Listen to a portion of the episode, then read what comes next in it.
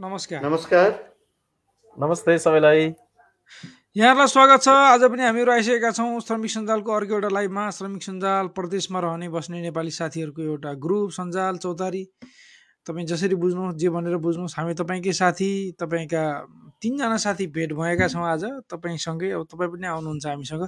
र हामीले तपाईँको कमेन्ट पनि लिन्छौँ। अनि तपाईँ हाम्रो गफगाफ हुन्छ केही अपडेटहरू हामीसँग भएका अपडेटहरू तपाईँलाई हामी दिनेछौँ। साथै तपाईँसँग केही छन् भने तपाईँले पनि सेयर गर्न सक्नुहुन्छ। मलेसियामा त धेरै साथीहरू सुतिसक्नु भयो अहिले। मध्यपूर्व पूर्वमा रहनुभएका साथीहरू बाहिरतिर यसो शीतलोमा बस्दै हुनुहुन्छ कि? कतिको शीतलो छ होला सर? बाहिर अलिकति शीतलै छ अहिले होइन? थोरै गर्मी अलिअलि तातो तातो हावा चले पनि। अलि ठिकै ठिकै भनौँ। जो जो साथीहरू जहाँ जहाँ हुनुहुन्छ जस्तो हुनुहुन्छ खाना खानुभयो कि भएन कामबाट कति बेला फर्किनु भयो अब घरतिर कुरा गर्ने क्रममै हुनुहुन्छ होला कोही। जस्तो भए पनि जे भए पनि जहाँ हुनुहुन्छ जस्तो हुनुहुन्छ सुखी खुसी हुनुहुन्छ आफ्नो जिन्दगीको यात्रा कटाइरहनु भएको छ र घर फर्किने सपना बुन्दै पनि बसिरहनु भएको छ होला भन्ने आशा राख्दै आजको हाम्रो यो कार्यक्रम सुरु गर्छौँ। तपाईँहरू कमेन्ट गर्नुहोला हामीहरू केही अपडेट्सहरू छन् हामीसँग भने हामी सेयर गर्छौँ। हरि सर के छ हालखबर? ठिक छ ठिक छ एकदम राम्रो छ। तपाईँले अहिले तातो चिसोको कुरा गरिरहँदाखेरि काठमाडौँमा चाहिँ अलिकति तातो धेरै बढिरहेको छ। मध्यपुरमा अफकोर्स तातो एकदम गर्मी बढिरहेकै अवस्था हो। सबैतिर एकदम गर्मी नै छ।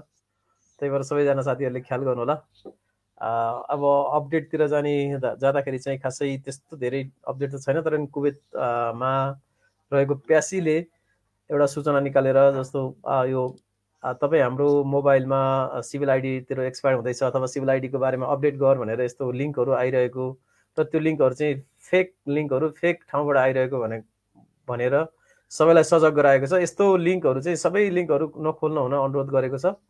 र विशेष गरी civil ID plus bank card होइन यी कुराहरू कनेक्टेड भएको हुनाले सबै इन्फर्मेसनहरू लान सक्छ भनेको भनेर चाहिँ सबैलाई सचेत पनि गराएको त्यही भएर यस्ता लिङ्कहरू आयो भने तपाईँहरूले सिधै प्यासीमा जानुहोस् अथवा बैङ्कमा जानुहोस् आफ्नो आइडीहरू अपडेट गराउनुहोस् तर अन अनलाइनबाट अथवा फोनको माध्यमबाट चाहिँ कुनै पनि नगर्नुहोस् भनेर सबैलाई सचेत गराएको छ।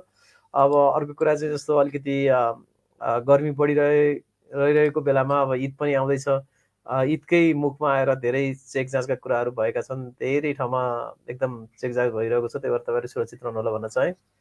अहिले यति नै छ कुवेतको जानकारी छ हामीले वैदेशिक रोजगार विभागको ठाउँ सरेको कुरा भनियो कि भनिएन त्यो खास हामीले ठ्याक्कै लाइभमा चाहिँ कुरा गरेका छैनौँ तर हामीले एउटा फ्लायर बनाएर राखेका थियौँ। लाइभमा पनि कहिले काहीँ भनियो होला। र पनि अब सबै साथीहरूलाई जानकारीको लागि नेपालको वैदेशिक रोजगार विभाग पहिला बुद्धनगरमा थियो। अहिले चाहिँ अब ताहाचलमा सरेको छ। तपाईँहरूलाई कुनै पनि वैदेशिक रोजगार सम्बन्धी कामहरू पऱ्यो भने श्रम सम्बन्धी कामहरू पऱ्यो भने चाहिँ वैदेशिक रोजगार विभाग ताजलमा मुद्दा मामिला होइन? ठगीमा परेका केसहरू यस्ता कुराहरू चाहिँ सबै ताजलबाट हुन्छ भन्न चाहे। त्यो चाहिँ ठ्याक्कै पहिलाको पहिला पनि हामीले श्रम गर्ने त्यहीँबाट थियो अहिले पनि त्यहीँ गएको छ। र वैदेशिक रोजगार विभाग भन्नाले श्रम गर्ने ठाउँ मात्रै भनेर कति साथीहरूलाई थाहा छ? र त्यो त ताचलमै थियो फेरि ताचलमा भनेर पनि सोच्नुहुन्छ। यसलाई अलिकति सरल बनाइदिन हामीले के भनौँ भने वैदेशिक रोजगार विभाग जुन छ त्यो चाहिँ श्रम दिने एउटा एउटा काम हो। वैदेशिक रोजगार विभागका धेरै कामहरू हुन्छन् जस्तै मेन पावर एजेन्सीहरूलाई रेगुलेट गर्ने ल्याएको अप्रुभलहरूलाई जस्तै प्रि अप्रुभल भन्ने हुन्छ वैदेशिक विदेशबाट अप्रुभल डिमान्ड आउँदाखेरि त्यसलाई अप्रुभ गर्ने त्यसलाई अनलाइनमा हाल्ने लगायतका चिजहरू गर्छ कसैलाई समस्यामा पऱ्यो ठगीमा पऱ्यो भने गएर उजुरी गर्ने ठाउँहरू लगायतका धेरै चिजहरू हुन्छ वैदेशिक रोजगार विभागमा। जुन पहिला ताचल बुद्धनगरमा थियो त्यो पनि अहिले त्यहाँभन्दा अरू काम त हाम्रो श्रम लिने काम त पहिला पनि त हाजलबाटै हुन्थ्यो। पहिला अहिले त अनलाइनबाट हुने भयो होइन। अब अरू उजुरीको कामहरू चाहिँ फेरि बुद्धनगर जानु परेन ताचल जाँदाखेरि भयो। महेश्वर सर के छ हालखबर?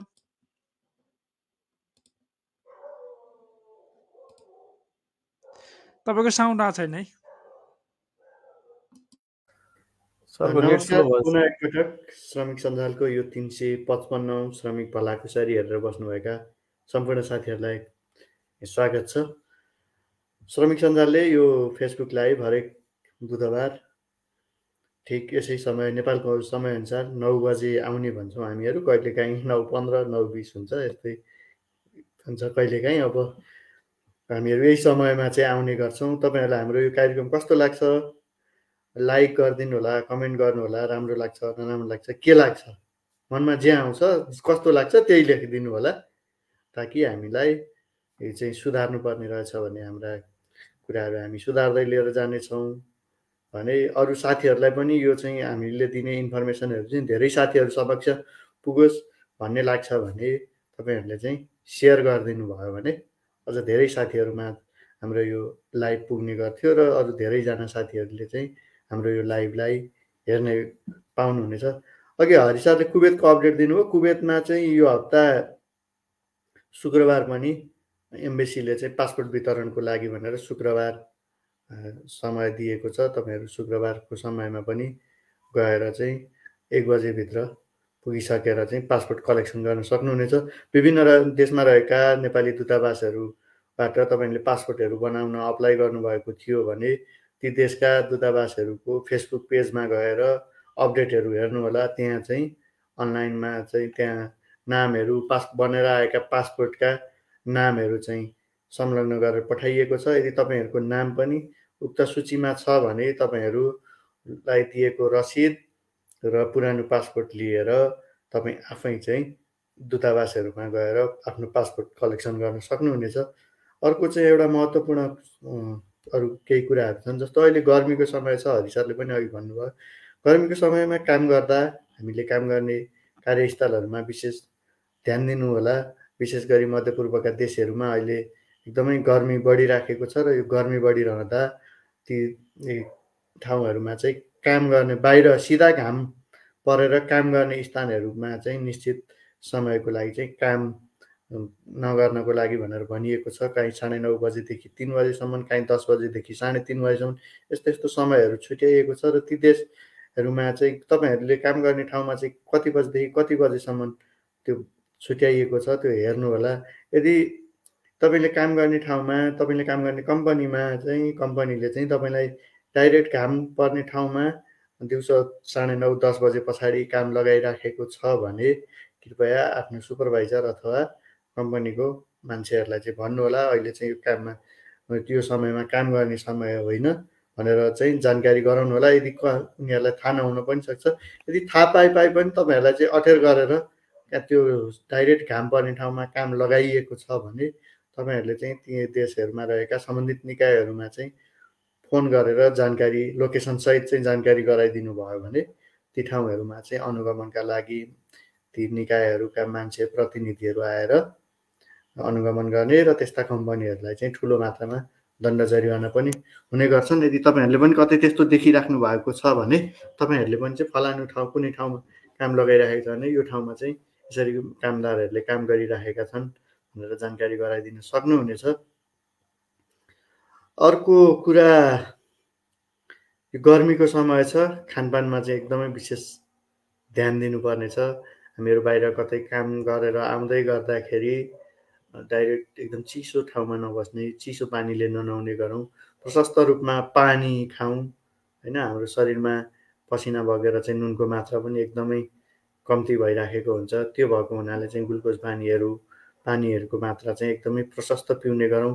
गर्मी छ भनेर चाहिँ यो कोक फ्यान्टाहरू यस्ता पेय पदार्थहरू जुसहरू चाहिँ धेरै नखानु होला। यो चाहिँ एकदमै यसमा चाहिँ हामीलाई हाम्रो शरीरलाई चाहिने भन्दा बढी मात्रामा गुलियोहरूदेखि लिएर अन्य अन्य पदार्थ भएको हुनाले चाहिँ हाम्रो शरीरलाई यसले हानि पुर्याउन सक्छ। तसर्थ अलिकति आफ्नो स्वास्थ्यको ख्याल गर्दै काममा जानु काम गर्नु होला। अर्को तपाईँहरूले काम गर्दै गरेको ठाउँमा अथवा तपाईँलाई तपाईँले काम गर्दै गर्दा तपाईँको कम्पनीले समयमा भिजा अकामा लगायतका कुराहरू नबनाइदिएको बनाइदिएको छैन भने कम्पनीहरूलाई चाहिँ भन्नुहोस्। यदि कम्पनीहरूले सुनेन भने हामीले कार्यरत हामी कार्यरत देशहरूमा हाम्रा दूतावासहरू छन् ती दूतावासहरूमा हामीलाई प गाह्रो साह्रो परेको बेलामा चाहिँ सहयोग गर्नको लागि भनेर श्रम सहचारीहरू खटाइएको हुन्छ। उहाँहरूलाई चाहिँ जानकारी गराउनुहोस् आफ्नो समस्याहरू राख्नुहोस्। यद्यपि कम्पनी छोडेर भागेर काम गर्ने चाहिँ नगरौँ। भोलि केही अप्ठ्यारो परिहालेको खण्डमा हामीलाई ठुलो सजाय हुनसक्छ। जेल बस्नुपर्ने अनि त्यसपछि डिपोर्ट हुनुपर्ने सम्मका चाहिँ सजायहरू हामीले भोग्नुपर्ने हुनसक्छ। तसर्थ हामी अवैधानिक भएर अनडकुमेन्टेड भएर चाहिँ कामहरू नगरौँ। यदि त्यस्तो कम्पनीले कार्डहरू अघि नै भनिहालेँ कम्पनीहरूले चाहिँ भिजाहरू समयमै नबनाइदिने लगायतका भिजा नलगाइदिने अकामाहरू नबनाइदिने समस्याहरू छन् भने कम्पनीमा कुराहरू राखेर चाहिँ कम्पनीहरूले सुनवाई भएन भने चाहिँ कुन कम्पनीमा काम गर्नुहुन्छ त्यो कम्पनी कहाँ छ? लगायतका विवरणहरू चाहिँ दूतावासमा का चाहिँ श्रम सहचारीहरूलाई चाहिँ उपलब्ध गराइदिनु भयो भने उहाँहरूले चाहिँ तपाईँ हामीलाई सहयोग गर्नुहुनेछ। तपाईँहरूसित यो एसएसएफको बारेमा पनि धेरै कुराहरू चाहिँ आइराखेका छन्। यो विषयमा पनि हामीहरू अहिले पछि कुराकानी गर्नेछौँ। अहिले चाहिँ मसित यति नै कन् उयोहरू छन् विषयवस्तुहरू छन्। अरू केही आयो भने फेरि अपडेट गर्दै जाउँला। Sir. Thank you so much युएले यसै गरी दिउँसो काम गर्न नपाउने भनेर जुन तपाईँले भन्नुभयो युएले दिउँसो बाह्र बजीदेखि तिन बजीसम्म सिधा खुल्ला घाम पर्ने ठाउँमा काम नगर्न भनेर निर्देशन दिएको छ। यो लगभग उन्नाइसौँ हो गएर अहिलेसम्म। उन्नाइस वर्ष भयो। यदि इनकेस अफ यस्तो गरेको पाइएमा कसैले तपाईँलाई काम गराएको छ तपाईँ युएमा हुनुहुन्छ भने डाइरेक्ट तपाईँले यमा यतारिम फोन गरेर कम्प्लेन गर्न सक्नुहुन्छ। तपाईँको नाम गोप्य राख्न भन्न सक्नुहुन्छ तपाईँहरूले। तपाईँहरूले ठाउँ होइन भन्नुभयो महसुसहरूले पनि अलग अलग देशमा अलग अलग छन् ठाउँहरू। त्यहाँ फोन गरेर भन्दाखेरि पाँच हजार रुपियाँ फाइन र पचास हजारसम्म फाइन लाग्ने र कस्ट कम्पनीलाई ठुलो कारवाही गर्न सक्ने सम्म गर्छ गभर्मेन्टले। त्यो गभर्मेन्टले निकालेको रुल्स भएको कारणले गर्दा यसमा चाहिँ हामीले एकदम स्ट्रिक्टली नै अरूले फलो गर्छ त गभर्मेन्टले पनि यसमा साँच्चमा मलाई लाग्छ साथ दिन्छ। त्यसैले तपाईँहरू आफू त्यस्तो अवस्थामा हुनुहुन्छ भने आफ्नो हेल्थको ख्याल आफैले राख्ने हो र आफू अलिक कन्सर्न पनि हुनुपर्छ त्यसमा। घाममा डाइरेक्ट काम गर्ने जुनसुकै काम हुनसक्छ तपाईँ कन्स्ट्रक्सनमा मात्रै हुन्छ भन्ने छैन जस्तै आउटडोर सेल्समा तपाईँ काम गर्दै हुनुहुन्छ अथवा आउटडोर तपाईँ गार्डनमा या कतै काम गर्दै हुनुहुन्छ आउटडोर जहाँनिर घामबाट डाइरेक्ट सनलाइट तपाईँको बडीमा पर्छ भने यो सबै टाइपको कामहरू पर्छ। जस्तै फर इक्जाम्पल तपाईँ कुनै ठाउँमा आउटडोरमा केही काम गर्दै हुनुहुन्छ तपाईँ त्यो कन्स्ट्रक्सन होइन। भनेदेखि त्यहाँ मेरो पर्दैन कि भन्ने सोच्नु पर्दैन त्यो पनि पऱ्यो कम्पनीसँग चाहिँ कुरा गर्न सक्नुहुन्छ। किनभने कम्पनीले अएपछि त त्यो समय त त्यो उठाइहाल्छ होइन। बिहान चाँडो काम लाउने हो कि बेलुका ढिलोसम्म काम लाउने हो कि त्यो दिउँसोको समयमा चाहिँ हुँदैन। इनकेस अफ काम लागिहालेको खण्डमा तपाईँले गभर्मेन्टमा कम्प्लेन पनि गर्न सक्नुहुन्छ। अब हामी चाहिँ कमेन्ट लिन्छौँ। कमेन्ट लिँदै गर्दाखेरि तपाईँका धेरै क्वेसनहरूको एन्सर पनि आउनेछन् र तपाईँका जिज्ञासाका पनि समाधान हुनेछन् भन्ने हामीलाई आशा छ। हस् धन्यवाद प्रेम योञ्जनजीले हामीलाई हेरिराख्नु भएको छ त्यसै गरी प्रदीप राणावारजीले पनि हामीलाई हेरिराख्नु भएको छ धेरै धेरै धन्यवाद अर्जुनजीले सरहरू सबैलाई नमस्कार भन्नुभएको छ श्री धिमालजीले नमस्कार सर सम्पूर्णमा भन्नुभएको छ हाम्रो पनि नमस्ते म चाहिँ हाम्रो धेरै पुरानो साथी हुनुहुन्छ जस्तो लाग्छ धेरै पहिलादेखि हेर्नुहुन्थ्यो उहाँले कृष्ण सिन्तानजी हुनुहुन्छ विदुर पन्तजीले कुवेतमा शुक्रबार नि एमबेसी जानकारी गराउनुहोस् न सर भनेर भन्नुभएको छ। उहाँले पासपोर्ट वितरणको लागि कुरा गरिराख्नु भएको छ। पासपोर्टहरू बनेर आएको छ छैन एकचोटि। तपाईँहरू कुवेतमा हुनुहुन्छ भने कुवेतका साथीहरूले कुवेत स्थित नेपाली राजदूतावासको फेसबुक पेज हेर्नु होला अथवा कुवेत मात्र नभई तपाईँहरू जुन जुन देशमा हुनुहुन्छ ती ती देशका चाहिँ नेपाल नेपाली राजदूतावासहरूको फेसबुक पेजहरू हेर्नुभयो भने त्यहाँ विभिन्न चाहिँ गतिविधिहरू पोस्ट भइराखेका हुन्छन्। त्यहाँबाट पनि तपाईँहरूले धेरै सूचनाहरू पाउन सक्नुहुनेछ। अहिले विशेष गरी पासपोर्टको लागि ई पासपोर्टको एकदमै चाप बढिराखेको छ र त्यो ई पासपोर्ट बनेर तपाईँले बनाउनु दिएन भएको थियो भने तपाईँहरूको पासपोर्ट बनेर आउनु आएको हुनसक्छ। त्यहाँ गएर चाहिँ आफ्नो नाम लिस्टहरू चाहिँ चेक गर्दै गर्नु होला राज पौडेलजीले हेलो सर भनेर लेख्नु भएको छ। एलोन ब्रोले सरकार कुनै अवार्ड छ भने तुरुन्त प्रदान गर यी होस्टजीलाई भनेर भन्नुभएको छ। अब धेरै धेरै धन्यवाद। हामी अवार्डको लागि मजाक गर्नुभयो होला उहाँले।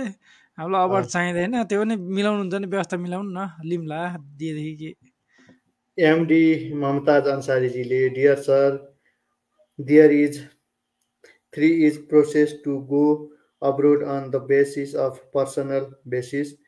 Can I talk approval from online? For personal basis? Explain how and how much time it take from department? भनेर सोध्नु उहाँले त्यो लेख्नु भएको छ। अर्को एउटा पनि छ यहाँनिर। उहाँकै क्वेसन छ। एकछिन यो मैले लिएँ। थोरै सर र म यो नेपालीमा भन्छु। म यो इङ्ग्लिसमा पुरै पढ्न भन्दा नि। उहाँले चाहिँ के भन्न खोज्नु भएको छ भने अब कति इम्प्लोइमेन्ट पर्सनल इम्प्लोइमेन्टमा जाँदाखेरि कति लाग्छ?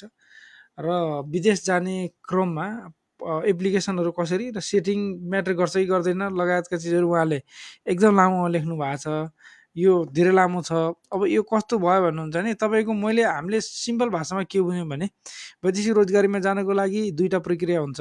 हामीले विदेश जानु पहिले भन्ने एउटा कार्यक्रम गर्छौँ हरेक महिना हुन्छ। आगामी चाहिँ कहिले हुँदैछ सर? आगामी अब जुलाईको? जुलाई जुलाईको चौध पन्ध्रतिर हुनसक्छ। ओके जुलाईको चौध पन्ध्रमा हामीले गर्ने कार्यक्रम छ अर्को। हामीले प्लान बनाउँदैछौँ त्यसमा। त्यसमा चाहिँ हामीले यो विषयमा एउटा पुरै क्लासै छ। तपाईँको क्लास चाहिँ आधा घन्टाको क्लास छ जाने प्रक्रियाको बारेमा। त्यहाँनिर आउनु पनि सक्नुहुन्छ तपाईँ अथवा तपाईँले अरूलाई जानकारी दिन खोज्नु भएको भन्ने पनि कुरो त्यही नै हो। व्यक्तिगत रूपमा जान सकिन्छ। व्यक्तिगत रूपमा जाँदाखेरि श्रम लिनलाई अलिकति झन्झट चाहिँ पक्कै हुन्छ। त्यसको लागि केही प्रक्रियाहरू छन्। मध्यपूर्वका देशमा हो भने जस्तै अस्ति भर्खर युएले अलिकति स्ट्रिक्टली एउटा नोटिस निकाल्यो। रगतको नाता भएकोलाई मात्रै। पहिला चाहिँ कम्पनीले लगेर स्ट्याम्प लगाइदियो भने अरू पनि जान पाउने भन्ने थियो। अहिले चाहिँ कि त पहिला युएमा काम गरेको हुनुपर्छ कि त रगतको नाता भएको त्यही पनि स्थानीय निकायबाट प्रमाणित भएको भन्ने नयाँ नियम छ। युएको सायद यो यो इन्फर्मेसन चाहिँ हामीले भनियो कि भनिएन थाहा भएन मलाई। हामीले भनियो पनि होला। यो भन्न खोजेको पहिला के थियो भने एउटा कम्पनी बनाउने लिएर जाने आजाद भिजा भन्ने यो भन्ने त्यो भन्ने गरेर धेरै चाहिँ दुःख दिने भएको कारणले गर्दाखेरि हुनसक्छ। त्यस्तै आशै बुझिन्छ त्यहाँनिर हेर्दाखेरि। त्यो भएर अलिकति कठिन छ तर यसको मतलब यो होइन कि असम्भव छ। सम्भव छ। तर केही प्रक्रियाहरू चाहिँ अलिकति पुरा गर्नुपर्ने हुन्छ व्यक्तिगत रूपमा जाँदाखेरि र हामीले पहिलोचोटि जाँदाखेरि त वैदेशिक तपाईँ मेन पावरकै थ्रुबाट जाँदाखेरि धेरै सेफ हुन्छ भनेर भन्ने गरेका छौँ। त्यही पनि यसको बारेमा एकदम डिटेल प्रक्रिया चाहिँ हाम्रो विदेश जानु पहिले प्रोग्राममा हुन्छ। त्यहाँ एकचोटि आउनुभयो भने तपाईँ जान्न चाहनु भएको भने तपाईँ आउन सक्नुहुन्छ। होइन तपाईँले अरूलाई त्यो भन्न चाहनु भएको भने अरू जो साथी हुनुहुन्छ तपाईँको आसपासमा हामीलाई पठाउन सक्नुहुन्छ। Thank you so much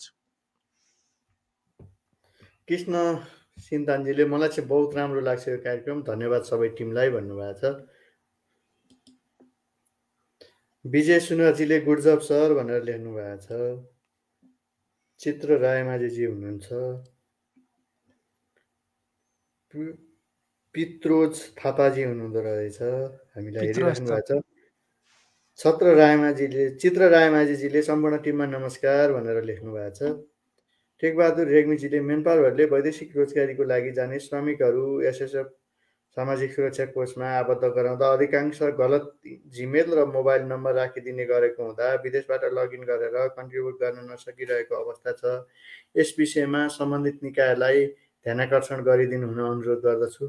पक्कै पनि तपाईँले एकदमै सिरियस इस्यु उठाउनु भएको छ सर। यो एकदमै तपाईँले भने जस्तो यो एकदमै गम्भीर विषय हो। किन गम्भीर हो भने हाम्रा धेरै श्रमिक साथीहरूले इमेल इन्टरनेटहरू चाहिँ राम्रोसित चलाउन जान्नुहुन्न। उहाँहरूले चलाउन जान्नुहुन्छ तर केवल फेसबुक चलाउन जान्नुहुन्छ। त्यसमा पनि हेर्न जान्नुहुन्छ विशेष गरी। स्कोरल गरेर लाइक एउटा थाहा छ उहाँहरूलाई। युट्युब चलाउनुहुन्छ अधिकांश साथीहरूले। अहिले केही साथीहरूले टिकटक चलाउनुहुन्छ तर त्यस बाहेकका अन्य फिचरहरू चाहिँ धेरै साथीहरूले राम्रोसित चलाउन जान्नुहुन्न।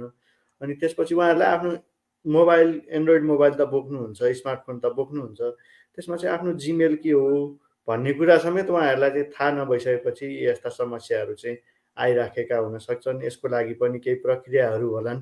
तपाईँले भने जस्तै हामीले यो विषयमा चाहिँ सम्बन्धित निकायसँग बुझेर त्यसलाई रिसेट गर्ने तरिकाहरू के के छन् भन्ने कुराहरू पनि हामी बुझेर तपाईँहरूलाई जानकारी गराउने चाहिँ छौँ है त। अहिले तत्कालको लागि हाम्रो साथीहरू जसले यस्तो समस्या भोग्नु भएको छ उहाँहरूलाई जानकारी गरौँ। तपाईँ एसएसएफको हटलाइन नम्बर छ एसएसएफको वाट्सएप भाइबरदेखि लिएर सबै नम्बरहरू छन्। इनकेस अफ तपाईँले त्यस्तो गर्नुपर्दा मेरो एसएसआइडी यो हो अथवा मेरो पासवर्ड नम्बर यो हो। तपाईँले मेरो इमेल एड्रेस चाहिँ गलत हालिदिएर तपाईँलाई मेरो इमेल एड्रेस यो सच्याइदिनु होला भनेर पठाउनु भयो भने एसएसएफमा त्यो नम्बर सच्याइदिनुहुन्छ अहिलेको लागि चाहिँ। अब पछि अझै यसलाई सजिलो अरू केही उपायहरू भयो भने चाहिँ पक्कै पनि हामी पनि सेयर गरौँला हामी खोजी पनि गरौँला। अहिलेको लागि तत्कालको समाधान त्यो हुन सक्ला।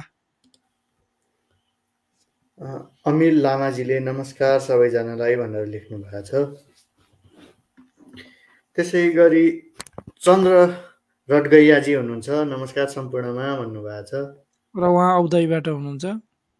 भोज श्रेष्ठजी हुनुहुन्छ नमस्कार भन्नुभएको छ। हाम्रो पनि नमस्ते सबै साथीहरूलाई। मदन प्रकाश भण्डारीजी हुनुहुन्छ हाई सर भन्नुभएको छ। धनबहादुर धामीजी हुनुहुन्छ। नमस्कार सर भन्नुभएको छ। रुद्र केसीजीले नमस्कार सरहरूलाई भनेर भन्नुभएको छ। हाम्रो पनि नमस्कार। सम्पूर्ण साथीहरूलाई एकमुष्टमा गोविन्द गिरिजीले नमस्कार सर भनेर लेख्नु भएको छ। त्यसै गरी प्रकाश नेउपानेजी हुनुहुन्छ। नमस्कार सर भनेर लेख्नु भएको छ। भरत चन्दजीले हेलो सर म साउदीबाट हेर्दैछु। कमेन्ट गर्छु। मेरो समस्या बुझ्नु भएन सरहरूले भन्नुभयो। भरत चन्दजीको के समस्या थियो होला? सर एकचोटि इनबक्समा हाम्रो श्रमिक सञ्जालको फेसबुक पेजमा पनि मा गएर त्यहाँ रहेको इनबक्समा पनि एउटा म्यासेज छोडिदिनुहोस् न। अँ यस्तो हामीलाई नै कन्फ्युजन पार्नुभयो। के थियो? केही याद छ? भरि सरलाई केही याद छ? उहाँको त छैन जस्तो लाग्छ तर पनि उहाँले पठाउनु भयो भने जानकारी पठाउने हामी फेरि बुझ्नेछौँ। हरि सरलाई पनि याद छैन भने तपाईँको समस्या हामीले यसो पाइएन भन्ने कुरो बुझौँ। नत्र समस्याकै कुरा आउनु भने हरि चुस्सो याद भइ नै हाल्छ हरि सरलाई महेश्वरलाई मलाई त्यति याद नभयो भने उहाँहरूलाई याद हुने हो। हुन्छ ठिक छ तपाईँले हामीलाई एकचोटि इनबक्समा पठाउनु होला हाम्रो अन्सारीज्यू लेख्नुहुन्छ dear sir immediate I need about the solution of the question please explain I am regarding to again don't skip for next month I don't have time to wait भन्नुभएको छ। अब तपाईँको लामो भयो कि यो क्वेसन हेर्नु त? यत्रो लामो छ। हामीलाई इङ्ग्लिस पढ्न राम्रोसँग आउँदैन अब यत्रो पढ्दा पढ्दै हाम्रो त समय नै जाने भयो जस्तो लाग्यो भन्दा पनि यो एउटा कुरा भयो यत्रो साह्रो दुःखको कुरा त होइन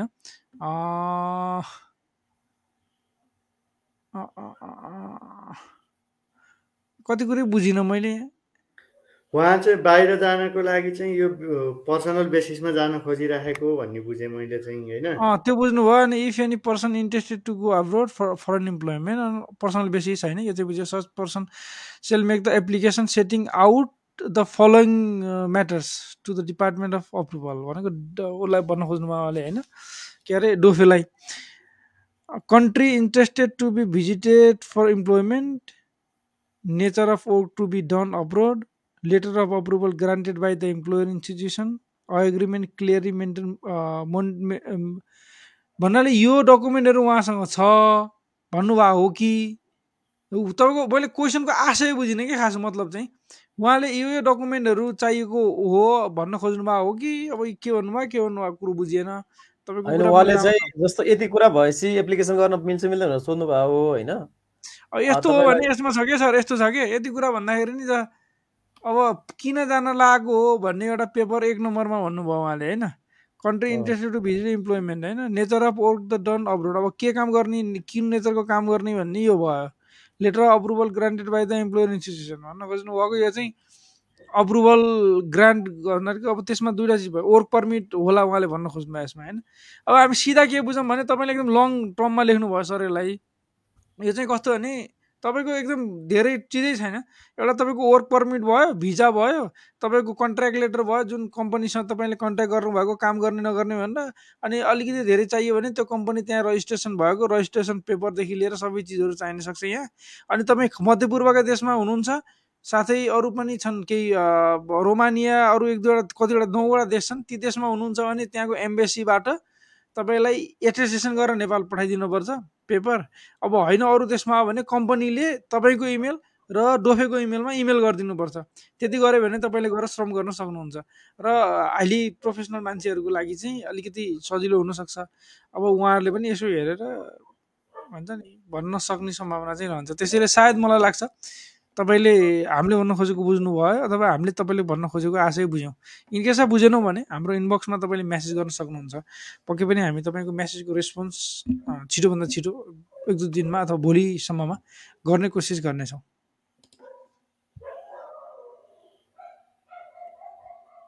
स्वतन्त्र पत्रकार हुनुहुँदो रहेछ। सबैलाई नमस्ते भनेर लेख्नु भएको छ। राज तामाङजीले नमस्कार सम्पूर्णमा भनेर भन्नुभएको छ। त्यसै गरी आचार्य विष्णुजी हुनुहुन्छ। नमस्ते हजुर म युएबाट भनेर लेख्नु भएको छ। मधुसूदन सुवेदीजी हुनुहुन्छ। नमस्कार सम्पूर्ण सहभागिता पस्कनेहरूमा साथै हरि सर महेश्वर सर राजेन्द्र भाइ राजामा। मेरो सानो जिज्ञासा आजको लाइभमा उठाइएको भलाकबसारी मध्यपूर्वका भूभागमा अत्याधिक गर्मीमा यदि रोजगार कम्पनीले करकाप लगाएर श्रम गर्न बाध्य हामी श्रमिक समग्र नेपाली जनसाधारणको विषयमा जस्ताको जस्तै गत साता मैले शिक्षण र शिल्प योग्यता परीक्षा पश्चात नै श्रम स्वीकृति दिनेको आडैमा मौसमी गतिविधिहरूलाई सहनी कार्यको जाँच गरे बापत नै श्रम स्वीकृति प्राप्त गर्ने गर्न सक्ने प्रावधान निकै आवश्यक थिएन भनेर भन्नुभएको छ। अलिकति कस्तो बुझिएन सर। अलि सिधा सिधा लेखिदिनुहोस् न। हामीलाई यति धेरै माया गरेर कमेन्ट गर्नुहुन्छ तपाईँहरूले। अलिकति बुझ्नु यत्रो लेख्नुहुन्छ फेरि। उहाँले बडो मजाले बडो मजासँग यत्रो लेख्नुहुन्छ। खुसी लाग्छ। थ्याङ्क यू सो मच तपाईँलाई। हाम्रो नियमित अनि विचार पनि लेख्नुहुन्छ कि? उहाँको सबभन्दा मिठो राम्रा राम्रा सुझावहरू पनि दिनुहुन्छ। अलिकति बुझ्ने भाषामा छोटो मिठो बुझ्ने भाषामा लेखिदिने गर्नुभयो भने अझ सजिलो हुनुहुन्थ्यो। मधुसूदन सर अँ ओके ओके ओके। उहाँको हाम्रो अर्को साथी हुनुहुन्छ if I have this document भन्नुभएको छ। ओके तपाईँले जहाँसम्म लाग्छ तपाईँ यो बुझ्नुहुन्छ ट्वेन्टी सिक्सटी फोरको दुई हजार चौसठीको जुन एक्ट छ विधान छ त्यसमा लेखिएको कुराहरू जुन छ त्यो अनुसार तपाईँसँग डकुमेन्ट छ भने तपाईँले यस्तो छ फेरि त्यो डकुमेन्ट त्यति बेला लेखेको चाहिँ यस व्यक्तिगत श्रम स्वीकृति दिने भन्ने छ तर पछाडि आएका नियमहरू हुन्छन् ती नियमहरू पनि ख्याल राख्नु होला नियम चाहिँ अहिले हामीले भन्यौँ जस्तै तपाईँको एम्बेसीबाट अप्रुभल गर्ने केही कन्ट्रीहरू छन्। केही कन्ट्रीहरूमा डाइरेक्ट कम्पनीबाट तपाईँलाई ती डकुमेन्टहरू कम्पनीले पठाइदिनुपर्छ भन्ने छ। फर इक्जाम्पल तपाईँले वर्क पर्मिट पाउनुभयो तपाईँको कन्ट्र्याक्ट लेटर छ तपाईँसँग भिजा छ लगायतका चिजहरू जति पनि अब कम्पनीको अरू रिलेटेड डकुमेन्टहरू चाहिँ तपाईँको कम्पनीले डोफेको वेबसाइट र तपाईँलाई तपाईँलाई टु डोफेको वेबसाइटलाई सिसी राखेर तपाईँलाई पठाउँछ। तर डोफेको वेबसाइटलाई टु तपाईँलाई सिसी राखेर उसले पठाउँछ। कम्पनीले भनेपछि अब तपाईँले श्रम अनलाइनबाट लिन सक्नुहुन्छ। Okay done. तपाईँले बुझ्नु भएको छ सबै चिज भने अब नेक्स्ट प्रोसेस के हुन्छ भन्दाखेरि तपाईँले सबभन्दा पहिला त फेमिसको एउटा वेबसाइट छ। FEMIS dot DOFE dot go gov dot NP भन्नेमा गएर तपाईँले आफ्नो प्रोफाइल क्रिएट गर्नुपर्ने हुन्छ। पहिलो नम्बर। सेकेन्ड नम्बर तपाईँले ओरिएन्टेसन गर्नुपर्ने हुन्छ। ओरिएन्टेसन काठमाडौँमा विभिन्न ठाउँहरू छन्। थर्ड तपाईँले मेडिकल गर्नुपर्ने हुन्छ कन्ट्री अनुसार कुन कन्ट्रीमा तपाईँ जाँदै हुनुहुन्छ। तपाईँले ओरिएन्टेसन मेडिकल गरिसकेपछि अब आउँछ थर्ड थर्ड नम्बर। थर्ड नम्बरमा के छ? तपाईँले कल्याणकारी कोषको पैसा तिर्नुपर्छ जुन पन्ध्र सय छ। एज अनुसार तपाईँको इन्सुरेन्सको पैसा तिर्नुपर्छ। त्यो पनि अनलाइनबाट सबै अनलाइनबाट। तपाईँको बायोमेट्रिक हुन्छ ओरिएन्टेसन गर्ने ठाउँबाट। अब तपाईँले डकुमेन्टहरू जुन अनलाइन फर्म भर्नुहुन्छ फेमिसको अनलाइन फर्म वेबसाइटहरू अनलाइनमा पनि कसरी फर्म भर्ने भनेर देखाइएको छ। मेरो पनि एउटा भिडियो छ युट्युबमा भेट्न सक्नुहुन्छ। मेरो भिडियो चाहिँ अलिक पुरानो हो सायद नयाँ पनि कुनै आयो होला। त्यसपछि तपाईँले अब सबै डकुमेन्ट हालिसकेपछि मेडिकल गर्नुभयो ओरिएन्टेसन गर्नुभयो कल्याणकारी कोषको लागि पैसा तिर्नुभयो पन्ध्र सय। र साथै अहिले एसएसएफको लागि पनि तपाईँले पैसा तिर्नुपर्ने हुन्छ त्यो मिनिमम दुई हजार दुई रुपियाँ। यति पैसा तपाईँले तिरिसकेपछि तपाईँ चौतिस वर्षभन्दा कमको हुनुहुन्छ? पैँतिस वर्षभन्दा कमको हुनुहुन्छ भने तपाईँले इन्सुरेन्सको लागि कति हो सर? थर्टी नाइन होला। Three thousand seven hundred twenty five त्यस्तै कति छ? यो सबै पैसा तपाईँले तिरिसक्नुहुन्छ। तिरिसकेपछि अब तपाईँले सब्मिट गरिदिनुहुन्छ अप्रुभलको लागि। अब त्यो अप्रुभलको लागि तपाईँले विभिन्न ठाउँहरू छन् कहाँ अप्रुभल लिने भन्दा तपाईँको नयाँ हो तपाईँले सुरुमा काठमाडौँमै अप्रुभलको लागि अप्लाई गर्नुहुन्छ। काठमाडौँमा अप्रुभलको लागि अप्लाई गरिसकेपछि अब उहाँले तपाईँको सबै डकुमेन्ट हेर्नुहुन्छ। सबै डकुमेन्ट हेरिसकेपछि उहाँलाई लाग्छ कि यो ठिक छ जेन्युन छ जान सक्नुहुन्छ। भनेदेखि तपाईँलाई अप्रुभल दिनुहुन्छ होइन रिजेक्ट गरिदिनुहुन्छ फेरि अरू डकुमेन्टहरू माग्नुहुन्छ उहाँले। अब तपाईँले सुरुमै जुन मैले सुरुमा भने तपाईँ कि त एम्बेसीबाट कि त कम्पनीबाट तपाईँले डकुमेन्ट मगाउनु भयो र उहाँको इमेलमा पनि आयो भने त्यो इमेलको स्क्रिनसट उहाँको इमेल पनि देखिने गरेर तपाईँले बुझ्नुहुन्छ। उहाँले जहाँसम्म यत्रो स्टडी गरिसक्नु भएको छ भनेपछि बुझ्नुहुन्छ। तपाईँले जुन उहाँको इमेल छ तपाईँको इमेल अनि उहाँ डोफेलाई सिसी राखेको इमेल अनि डेट पनि आउने देखिने गरेर स्क्रिनसट गरेर अपलोड गरिदिनु होला। त्यसो गर्दाखेरि उहाँहरूलाई त्यो दिनको इमेल खोज्न पनि सजिलो हुन्छ। यसरी तपाईँले अप्रुभल प्रोसेस हुन्छ र तपाईँले प्रक्रियामा प्राप्त गर्न सक्नुहुन्छ। तर जहाँसम्म मलाई लाग्छ अहिले कुन कन्ट्री हो र कहाँ जाँदै हुनुहुन्छ त्यो अलिकति राम्रोसँग बुझेर हामीले यहाँ लेखिराख्नु परेन। तपाईँको केही आफ्नो पर्सनल चिजहरू पनि हुनसक्छन् त्यसरी पब्लिकली कमेन्टमा गर्नुपर्छ यस्ता चिजहरू भन्ने छैन। इनबक्समा एउटा म्यासेज पठाइदिनु भयो भने पनि हुन्छ। त्यो कन्ट्रीको रुल्स के छ हामी हामीलाई आइडिया भएसम्म तपाईँलाई हामी सल्लाह दिन सक्ने छौँ कि जस्तो पनि लाग्छ। अब तपाईँको मलाई जहाँसम्म लाग्छ तपाईँको समस्याको समाधान हुनसक्छ। यति गर्दाखेरि हामी अगाडि बढ्छौँ अरू कमेन्ट लिनको लागि। हिमलाल पन्थीजीले नमस्कार सबैलाई भन्नुभएको छ। हाम्रो पनि नमस्ते। त्यसै गरी युवराज सुवेदीजी हुनुहुन्छ। नमस्कार सरहरू म अबुधाबीबाट भन्नुभएको छ। रमेश दाहालजी हुनुहुन्छ। नमस्कार सबैजनामा। ड्युटीले गर्दा भर्खर रुममा आएर हेर्दैछु। हाल दुबईबाट भन्नुभएको छ। धेरै धेरै धन्यवाद सर। तपाईँहरूकै यही समयलाई मध्यनजर गरेर हामीहरू ठिक यसै समयमा चाहिँ आउने गरेका हौँ। र तपाईँले ड्युटी इज फर्स्ट हामी सेकेन्ड हो क्या फेरि? हाम्रो त लाइफ पछि हेरे पनि हुन्छ केही छैन। ड्युटी विदेश गएकै थियो ड्युटी गर्न। अनि त्यो भएर काम नै पहिलो प्राथमिकतामा सबै तपाईँ हाम्रो किनभने अहिलेको अब त्यो काम गरेन भने माम खान पाइँदैन होइन त्यसैले। कामलाई प्राथमिकता दिनुहुन्छ। हामीलाई त्यसो भन्दा झन् धेरै खुसी लाग्छ। तपाईँ म ड्युटी सकेर आएर पनि तपाईँहरूको प्रोग्राम हेरेँ भनेर तपाईँले भन्दाखेरि जुन एउटा हामीमा ऊर्जा प्राप्त हुन्छ त्यो एकदमै ठुलो ऊर्जा हो। त्यसले हामीलाई हौसला दिन्छ। तपाईँले आफ्नो कर्म पनि गर्दै हुनुहुन्छ छोड्नु भएको छैन र हामीलाई माया गर्न पनि छोड्नु भएको छैन भन्ने। होइन? पिताम्बर टन्डनजी हुनुहुन्छ नमस्ते सर भनेर भन्नुभएको छ। हेलो सर भनेर विष्णु खत्रीजीले म्यासेज गर्नुभएको छ।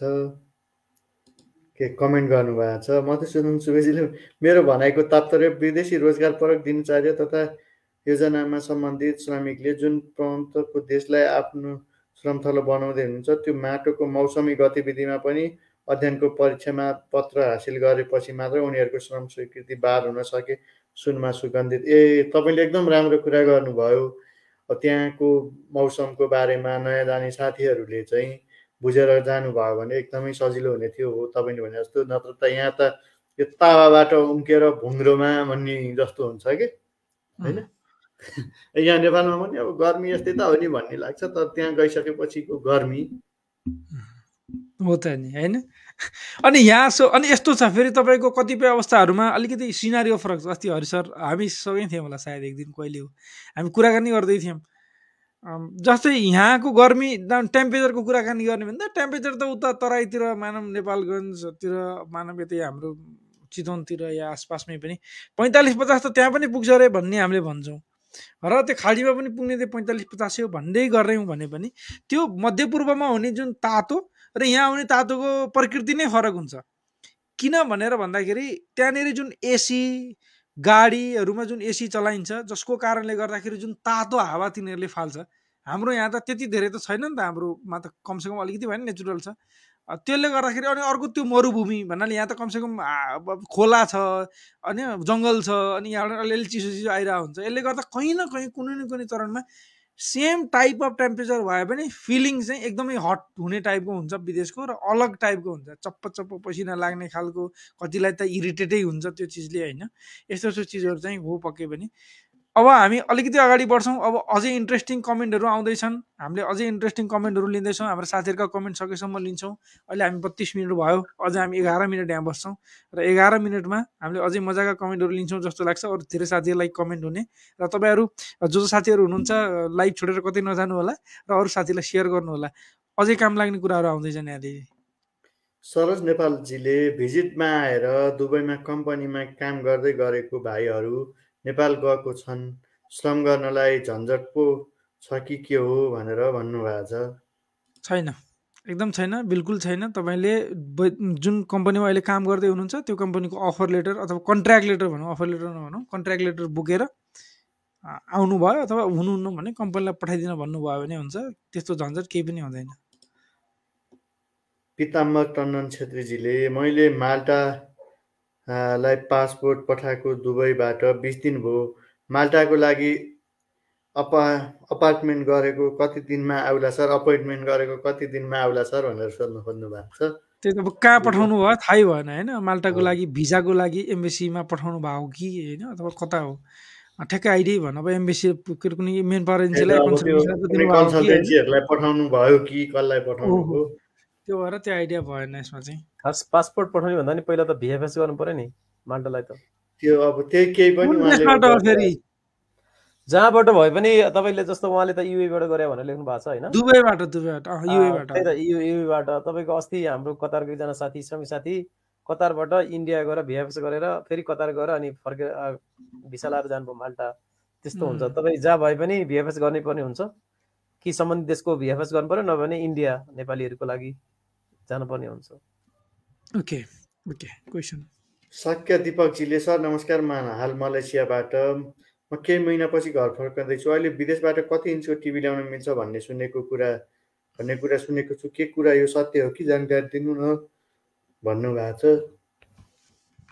हरि सर। अहिलेसम्म बत्तिस इन्चको सम्म फ्री हो। तपाईँ रोजगारी गर्ने हामी तपाईँ हामी साथीहरूलाई। किनभने जुन बत्तिस इन्चभन्दा माथि जति इन्चको पनि ल्याउनु पाउने भन्ने नियम चाहिँ यो साउनको एक गतिबाट सुरु हुन्छ। त्यो पनि त्यसको केही प्रावधानहरू छ जुन ठ्याक्कै क्लियरली आइसकेको छैन। अब एसएसएफमा योगदान गरेको भने चाहिँ कति महिना भन्ने कुराहरू ठ्याक्कै तोकिसकेको छैन। एक वर्षको भनौँ न नौ महिनाको मिनिमम योगदान गरेको भन्ने कुरा छ। त्यसकारण एसएस त भर्खर सुरु भएको छ। त्यही भएर अहिले तका लागि चाहिँ बत्तिस इन्च फ्री हो भन्ने सोचौँ। र ठुलै ल्याउँदै हुनुहुन्छ। तपाईँले यसो हिसाब गर्नुभयो। कस्टममा चाहिँ विदेशमा सस्तो पऱ्यो कस्टम सस्टम तिरेर भन्दाखेरि भनेदेखि साउन्ड एक गतेपछि आउँदै हुनुहुन्छ भने आइडिया के हुनसक्छ भने त्यो आइडिया दिन पनि सकिन्छ। यो खुरापाती आइडिया पनि होइन। हाम्रो साथीहरूले फाइदा उठाउने आइडिया हो। यसमा के छ भने जस्तै नौ महिनाको तिर्नुपर्छ भने तपाईँले एकमुष्ट रूपमा एसएसएफमा रजिस्टर गरेर नौ महिनाको तिरेर हिसाब गर्नु होला किनभने एसएसएफमा तिरेर पैसा कहीँ न कहीँ आफ्नै लागि पनि हो। त्यो कारणले गर्दा त्यो पनि एउटा अप्सन चाहिँ चुज गर्न सकिन्छ भोलिका दिनमा। तर यो साउन एक गतेदेखि सुरु हुन्छ। अहिले हालसालै तपाईँ एक दुई दिनमै नेपाल आउने हुनुहुन्छ भने बत्तिस इन्चसम्मको चाहिँ भन्सार तिर्नु पर्दैन हुन्छ त्यही नै भयो यसमा कुरा। अर्जुन बेनजीले लेख्नु भएको छ please write in Nepali it is difficult for people like हाम्रो हाम्रो अन्सारी अन्सारीजीलाई लेख्नुभयो होला। सायद उहाँलाई नेपालीमा लेख्नुभन्दा काजी भट्टराई परदेशीजी हुनुहुन्छ। हजुरहरूको लाइभमा जोडिन नसके पनि पछि चाहिँ हरेक कुराकानी चाहिँ सुन्न कहिले छाडेको छैन। यो जानकारी गराएँ हजुरहरूलाई। शुभ सन्ध्या भन्नुभएको छ। धेरै धेरै धन्यवाद सर तपाईँलाई। तपाईँहरूले हेरिदिनुहुन्छ र त हामीहरू आउने गर्छौँ। नमस्कार सरहरूलाई। मेरो प्रश्न क्यानाडा भिजिट भिजामा जानलाई तिस पैँतिस लाख पैसा लाग्छ भन्दा के यो साँचो हो सर? थाहा भयो जानकारी दिनु होला भनेर गोपाल घरती मगरजीले हामीलाई सोधिराख्नु भएको छ। यो लाटो हिसाब लाउने होइन सर यसमा? अब थाहा छ छैन भन्दा नि भिजिटमा जाने भने के हो? तिस पैँतिस लाख रुपियाँ भिजिटमा किन लाग्छ होला भन्नु त? तिस पैँतिस लाखमा त क्यानाडा होइन दसवटा देश घुमेर आउन सकिन्छ। मजाले गएर बसेर दामी होटलमा बसेर। अब तपाईँको के हो भने भिजाको कस्ट लाग्ने हो। अब त्यो तिस पैँतिस लाख रुपियाँ एक त त्यहाँको गभर्मेन्टले त गभर्मेन्टलाई सो पनि गर्नु पर्दैन नम्बर वान त्यहाँको गभर्मेन्टको पनि अब कति दिन तपाईँ बस्ने हो त्यो हिसाबले एउटा रुल्स एन्ड रेगुलेसन हुन्छ भिजी भिसाको लागि। जसलाई पायो त्यसलाई नदिने भन्ने कुरो अलग हुनसक्ला अब कुन कन्डिसनमा कति भन्ने तिस पैँतिस लाख चाहिँ लाग्दैन है। यत्रो यो पैसा भने त तपाईँको ठुलो पैसा हो नि त तिस पैँतिस लाख भने त। त्यही भएर यो तपाईँ कमन आइडिया लाम अरू साथीहरूले जहाँ कि भने भिजिटमा जाने भने घुम्न जाने हो। एक दुई दुई तिन लाख धेरै लाख डेढ दुई लाखको टिकट लाग्ला टु वे टिकट अनि भिजा लाग्ला पचास साठी हजार एक लाख कतिको भिजा लाग्ला। अब ब्याङ्क ब्यालेन्स देखाउनु पर्ला त्यो भने खर्च होइन ब्याङ्क ब्यालेन्स हो। उहाँ गएर होटलमा बस्ने साँच्चै घुम्न जानुभएको भने के होटलमा बस्ने आफन्त भने आफन्त कहाँ बस्ने त्यही त हो नि। त्यो भएर यी चिजहरूलाई चाहिँ अब त्यत्रो पैसा लाग्दैन यसलाई अलिकति सिम्पल र एकदम कहिलेकाहीँ चाहिँ लजिकल्ली भएर पनि सोच्नु होला। यस्ता यस्ता चिजहरूमा होइन म कसैले भन्ला यस्तो चिजहरूमा पनि ह्युमन ट्राफिकिङ भन्छ। म भिजिटमा लिएर जान्छु तिमीलाई यहाँबाट यता लान्छु उहाँबाट उता लान्छु यति पैसा हाल्यो यहाँलाई सेटल गराइदिन्छु भन्लान्। यस्ता यस्ता चिजहरूमा चाहिँ भरोसा गरेर कसैको पछाडि लाग्नु भनेको प्वाख नभएको चरा रुखमा गएर बस्नु जस्तो हो। हाँगा भाँचियो भने पुग्नु डरली सकियो। अरू के आफूसँग भरोसै छैन त्यसको। यस्ता यस्ता चिजहरूमा चाहिँ सधैँ ध्यान दिनु होला। आफ्नो ख्याल आफैले राख्ने हो।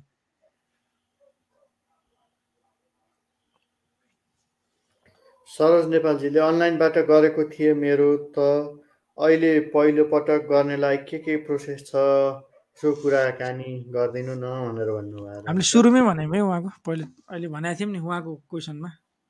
भन्छ उहाँको क्वेसनमा भने होइन हामीले?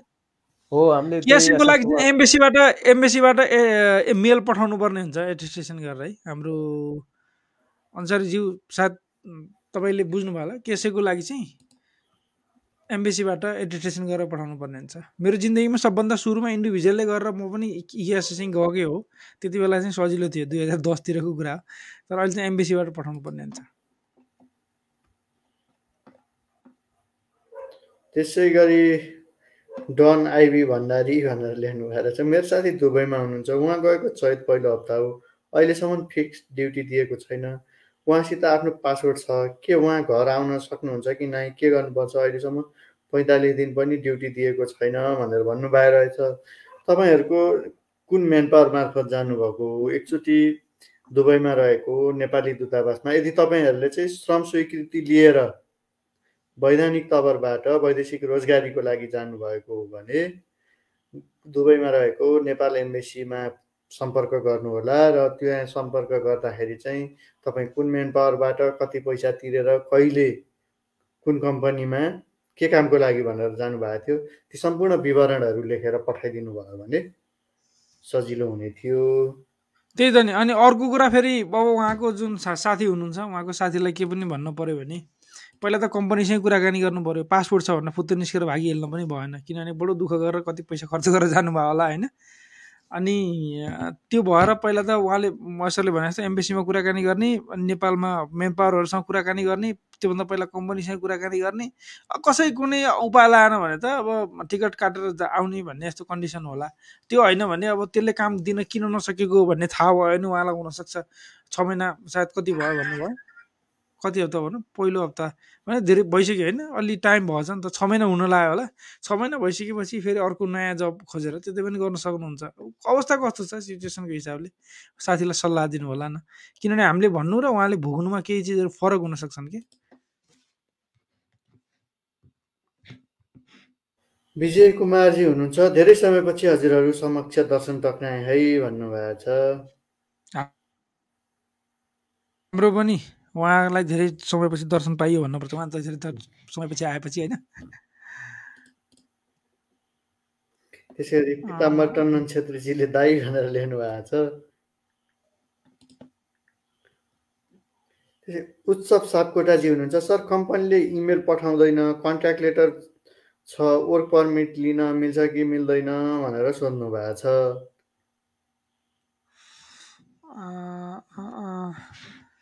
कम्पनीले इमेल पठाउँदैन कन्ट्र्याक्ट लेटर छ वर्क पर्मिट लिन ए भन्नाले अँ अब त्यस्तो त भएन। कुन देशको हो त्यो रुल्सको हिसाबले कम्पनीले नै पठाउनु पर्ने हुन्छ।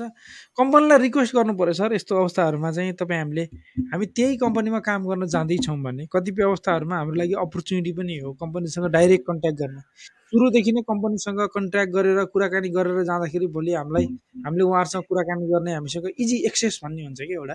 जस्तै हामी जब कम्पनीसँगै कुराकानी गरेर जान्छौँ भने हामीले कम्पनीलाई चिन्छौँ कम्पनीले हामीलाई चिन्दछ। कम्पनीसँग कुराकानी गर्ने किन डराउनु पऱ्यो उसलाई मान्छे चाहियो हो हामीले काम काम गर्ने मान्छे हो। उसलाई नचाहिए यतिकै लिएर जान ला लान खोजेको त होइन। अब त्यति पनि सपोर्ट गर्न सक्दैन भने त्यस्तो कम्पनीमा गएर काम किन गर्नु पऱ्यो हामी यसरी सोच्छौँ यसलाई कसरी नसोचौँ भने ओहो त्यो कम्पनी हो त्यो ठुलो छ। होइन? त्यसले के सोध्छ त्यसरी कहिले पनि सोच्ने होइन कि? हामीले कसरी सोच्ने हो भने त्यो कम्पनी हो त्यसलाई मैले मेरो घर स्किल दिन्छु मेरो काम दिन्छु म मेहनत गर्छु। त्यसले मलाई त्यो बाबत पैसा दिन्छ। उसले मलाई सुरुमा त्यहाँ पुगुन्जेल सहजीकरण त गरिदिन सक्छ नि त। यो त सामान्य सबै मान्छे तपाईँ हामी जस्तै मान्छे त हुने हुनु त। तर हामीले यसलाई अलिकति धेरै डिपमा सोध्छौँ कि? मैले पनि सुरु सुरुका दिनमा त्यस्तै सोच्ने। तर अब कम्पनीसँग कुरा गर्न थालेपछि होइन? कम्पनीसँग कुरा गर्दाखेरि कम्पनीका अरू मान्छेहरूसँग कम्पनीहरूसँग धेरै कम्पनीहरूसँग लिङ्क हुँदै जाँदाखेरि यो कुराहरू राम्रोसँग के बुझिन्छ भने ती हाम्रा जुन बिचका मान्छेहरू छन् तिनले हामीलाई कम्पनी र हाम्रो लेभलै कहिल्यै मिल्दैन जिन्दगीमा भन्ने बनाइदिन्छन् कि? होला एक टाइपको लेभल मिल्ला नमिल्ला अलग छ। तर उनीहरूले हामीलाई चाहिँ सहयोग चाहिँ गर्छन् नगर्ने भन्ने होइन। र जसले हामीलाई सहयोग गर्दैन नि त्यो कम्पनीमा भोलि गएर स्यालेरी नै दिएन। भोलि गएर हामीलाई अप्ठ्यारो पऱ्यो भने बस्ने जस्तो त बस्न राख्थ्यो भने भन्नु त यस्तो कम्पनीमा गएर केही काम गरेर फाइदा छ त छैन नि त। त्यो भएर यदि कम्पनीले तपाईँलाई कन्ट्र्याक्ट लेटर पठाउँदैन इमेलमा भनेदेखि चाहिँ त्यो कम्पनीमा अब अरू कतिपय कम्पनी नै एकदम साना कम्पनी छ नि त्यसलाई इमेल पनि कसरी पठाउने भन्ने पनि थाहा छैन भने पनि फेरि अलिकति गाह्रो पर्न सक्छ होइन? त्यो कम्पनीले त झन् भोलि सस्टेनेबल होला नहोला त्यस्तो कम्पनी। त्यही भएर यस्ता कुराहरूमा ध्यान दिनु होला आफैले सोच्नुपर्ने कुरा हो। आत्तिनु भएन बरु अन्त जाने अरू काम गर्ने बरु सुरुमा जाँदा मेन पार्कको थ्रुबाट जाने यस्ता यस्ता चिजहरू चाहिँ गर्ने। अलिकति शान्त भएर गर्नुभयो भने सही होला।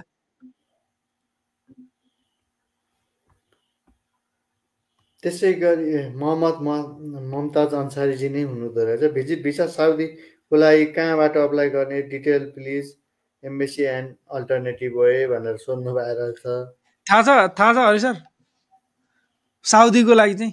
साउदीको लागि पनि भिजिट भिसा तपाईँले गर्न सक्नुहुन्छ। एउटा त हज भिसा भन्ने हुन्छ होइन मुस्लिम समुदायहरूको लागि। त्यो छुट्टै पर्पजको लागि हुन्छ। अर्को भिजिट भनेको तपाईँले बिजनेस पर्पजको लागि हुन्छ। त्यो चाहिँ कुनै पनि इन्भाइटेसन लेटर लिएर मगाएर तपाईँले गर्ने हो। अब यसको सबै डिटेललाई चाहिँ तपाईँले नेपालमा रहेको साउदी अरबको एम्बेसी छ यो चाहिँ महाराजगञ्जमा। त्यहाँ गएर बुझ्नुभयो भने तपाईँलाई अझै सहज हुन्छ।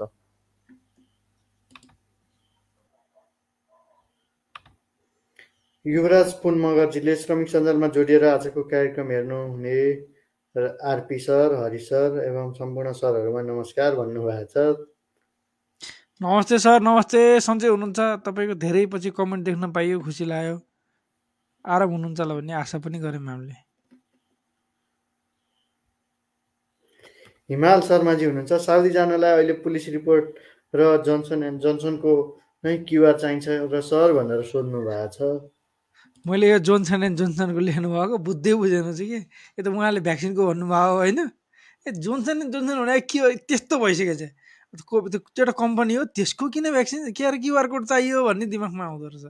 त्यस्तो केही छ र सर हरि सर केही रुल छ त्यस्तो? ठ्याक्कै यो अब यस्तो छ। नयाँ जानेहरूको लागि पुलिस क्लियरेन्स प्राय माग्छ नै साउदी अरबमा अनि अब भ्याक्सिन चाहिँ जोन्सन जोन्सन भन्ने चाहिँ होइन। सायद त्यहाँ कोभिसिल्ड यो जुन भेरोसिल पनि एलाउ गरिरहेको छ साउदी अरबमा त अझ अब त्यो चाहिँ अब डिपेन्ड द मेन पावरले के भनिरहेछ तपाईँहरूलाई तर ठ्याक्कै जोन्सन नै चाहिन्छ भन्ने चाहिँ छैन त्यहाँ। तर पुलिस रिपोर्ट कुरा पुलिस रिपोर्ट निकाल्न गाह्रो पनि छैन। अनलाइनबाट नेपालको पुलिस रिपोर्ट फुत्त निस्किहाल्छ। टेन्सन लिन पर्दैन। दुई चार दिनमा निस्किन्छ। निकाल्दै गर्दा हुन्छ बेला बेलामा। छ छ महिनामा अप्लाई गर्ने निकाल्ने गरेर राखे पनि हुन्छ भन्छु म त यो चाहिँ। गाह्रो छैन क्या त्यो एकदम सजिलो छ। नेपालको सिस्टम पुलिस रिपोर्टको सिस्टम चाहिँ पहिला एकताका गाह्रो थियो। जानु पर्थ्यो लाइन लाग्नु पर्थ्यो फिजिकल फर्म भर्नु पर्थ्यो बडो झन्झट थियो। अहिले छैन त्यस्तो। अनलाइनबाट हुन्छ। त्यसै गरी अमर थापाजी हुनुहुन्छ। हेलो सर मेरो पासपोर्ट रिन्युअल गर्नु छ। पासपोर्ट डेट कति पछि रिन्यू गर्दा हुन्छ सर भन्नुभएको छ। तपाईँको एक वर्षभन्दा कम्ती समय छ भने तपाईँले पासपोर्ट रिन्यू गर्नलाई अप्लाई गर्दा फरक पर्दैन।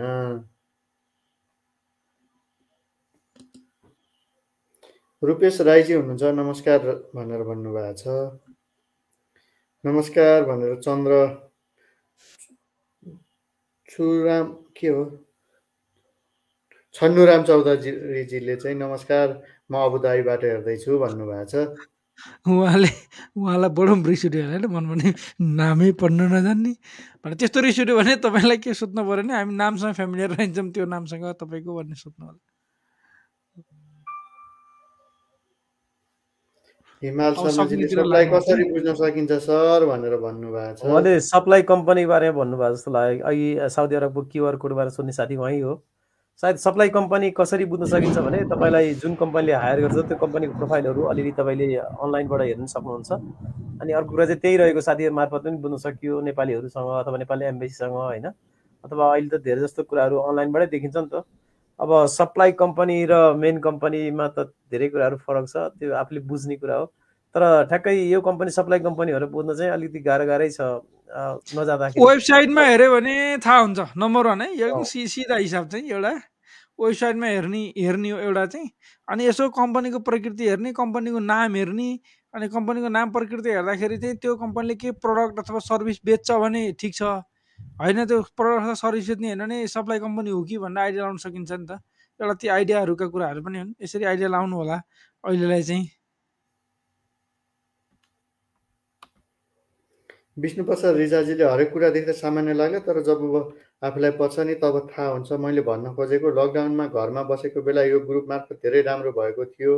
धेरै आभारी छु है भनेर भन्नुभएको छ। तपाईँलाई। धेरै धेरै धन्यवाद। धेरै धेरै धन्यवाद छ। अनि अहिले छुट्टीमा गएर आउँदै गर्नुहुनेहरूले सामाजिक सुरक्षा कोषमा योगदान गर्नुपर्छ कि नै भन्नुभएको छ। एकदमै तपाईँहरू छुट्टी गएर आउँदै गर्दा भन्दा नि न अब श्रम स्वीकृति नवीकरण नयाँ र नवीकरण गर्नेहरूले अनिवार्य रूपमा सामाजिक सुरक्षा कोषमा योगदान गर्नुपर्ने हुन्छ। हबु तामाङजी हुनुहुन्छ। मलेसियामा भिजिट भिजामा जान मिल्छ सर। भन्नुभएको छ जान। जान मिल्छ सर। मजाले मिल्छ। अनलाइनबाट भिजा आउँछ ई भिजा? मलेसियाको? एम छेत्रीजीले नमस्कार सर। भन्नुभएको छ। शङ्कर प्रसाद बस्यालजीले सबैजनालाई नमस्ते भनेर भन्नुभएको छ। ल कमेन्ट पनि सकिए हाम्रो समय पनि आजको लागि अब समाप्त भएको घोषणा गर्दै यो कार्यक्रमलाई यहीँ टुङ्ग्याउने आज्ञा चाहन्छौँ। यदि तपाईँहरू विदेशमा हुनुहुन्छ श्रमिक सञ्जाल हाम्रो एउटा चौतारी छ त्यसमा तपाईँ आबद्ध हुन चाहनुहुन्छ भने फोरम डट श्रमिक सञ्जाल डट ओआरजी भन्ने एउटा ग्रुप छ त्यसमा गएर तपाईँले आफ्नो फर्म फर्म भर्न सक्नुहुन्छ। यसमा आबद्धता जनाउन सक्नुहुन्छ। यसमा धेरै चिजहरू छन्। तपाईँ हाम्रो भेटघाट हुन्छ। यसमा धेरै चिजहरू छन्। तपाईँले आफ्ना समस्याहरू राख्न सक्नुहुन्छ। अरूका समस्याका समाधानहरू लेख्न सक्नुहुन्छ।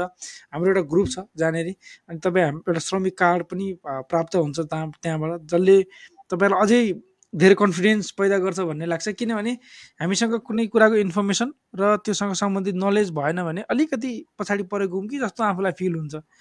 नपरे पनि तर अलिकति इन्फर्मेसन मात्रै हुने बित्तिकै आफूलाई अलिकति पावरफुल फिल गरिन्छ।